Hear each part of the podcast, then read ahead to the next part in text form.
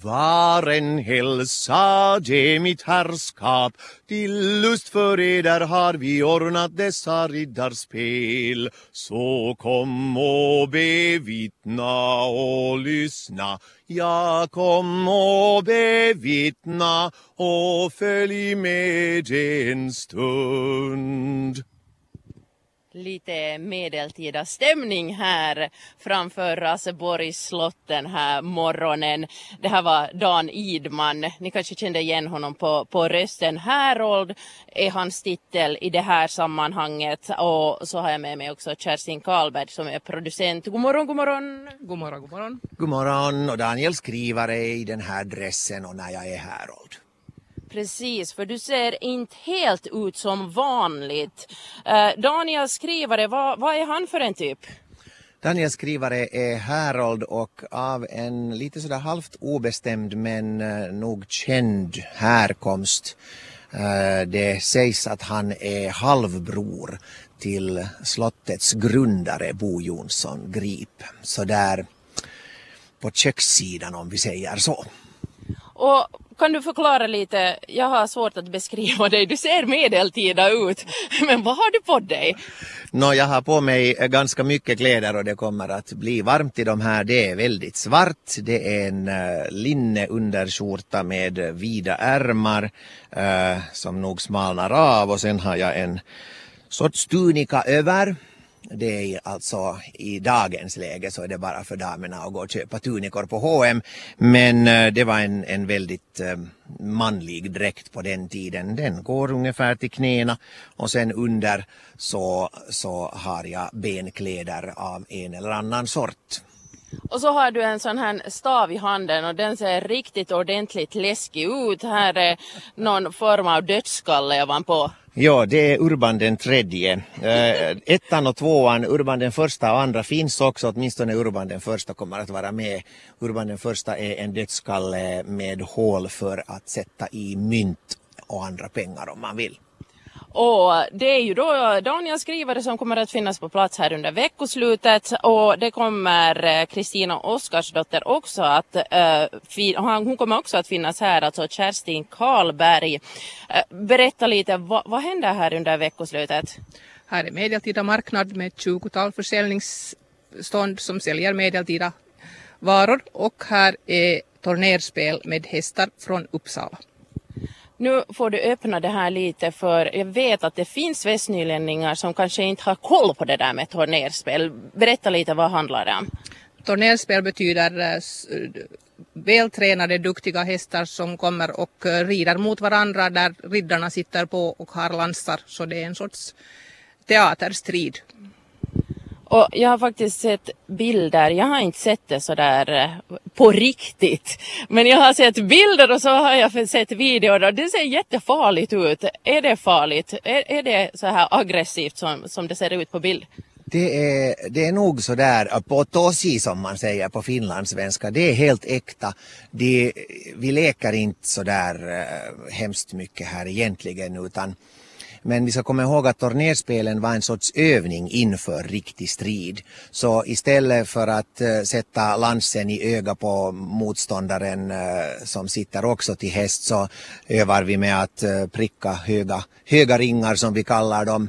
Och sen har vi svärd som man prickar låga ringar från. Det skulle ha då varit i en riktig markstrid så sitter riddaren till häst och och tar livet av folk som är på marken och så vidare bortåt. Att, eh, men sen har vi den här eh, sista man mot man som, som är alltså lans, lands i händerna och då klär de sig riktigt ordentligt. De har ordentliga hjälmar på huvudet och, och splittret bara yr när de här lansarna träffar skölden. Man ska träffa skölden.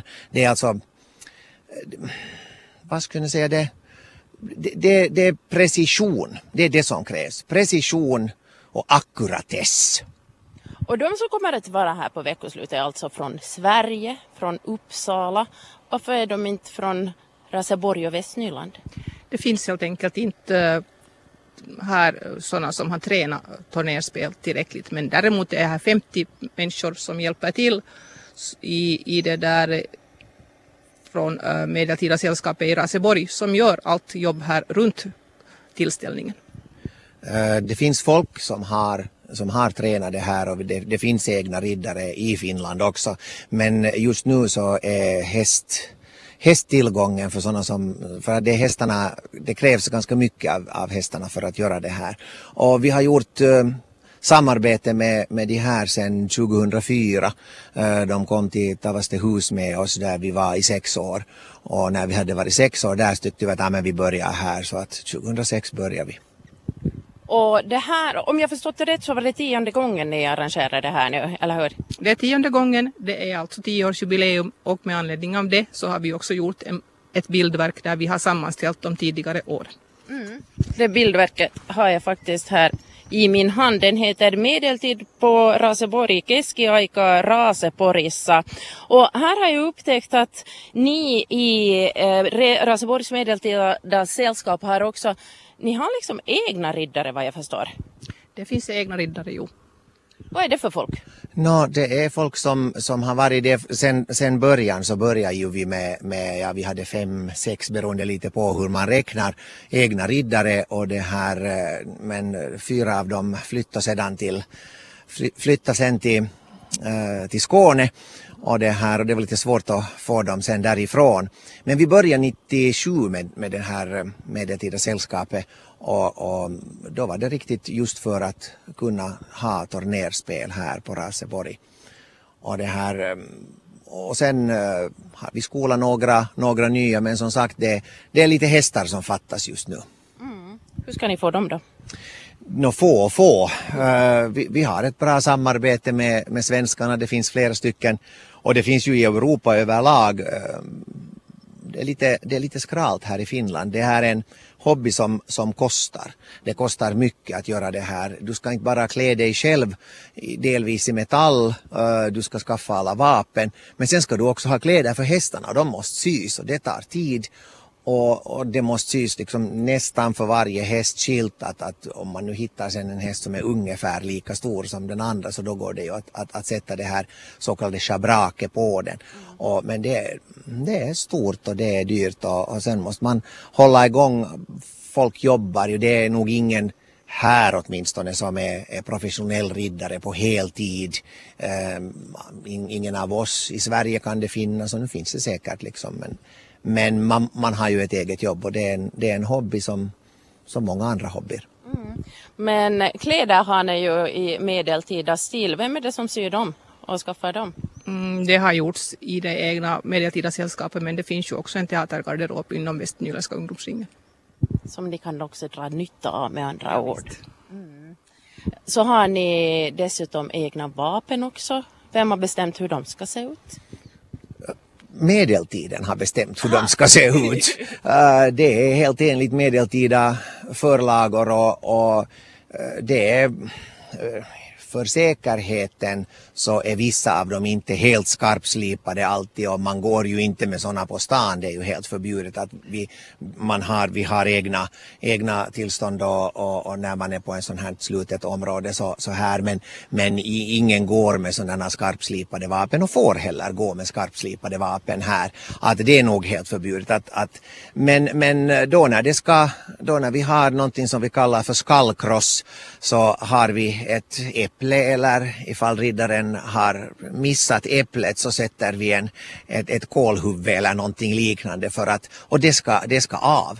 Och när du kommer i full galopp, vilket de här tornergrenarna alla är, och, och det här försöker få en i, i huvudhöjd, ungefär vanlig huvudhöjd på en och en halv meters höjd, så ska du med ditt svärd äh, antingen krossa det där med en slaga, vilket är en sorts, vad ska vi kalla det, no, det är en käpp med kättingar om vi tar det så där enkelt. Um, eller sen så ska du halvera det med din med ditt, med ditt svärd och vi har väl, de är väldigt skickliga men man missar ibland. Det är inte svårt att missa ett litet äpple i full fart men, men de flesta klarar av det riktigt bra. Och det ska ju vara poäng, vi måste ju räkna så någon måste vinna och någon tyvärr förlorar. Och det år som kommer att uh, vara gällande här är inte 2018, alltså här under veckoslutet i, i Raseborg, utan det är 1391. Vem vill kort förklara uh, vad hände då?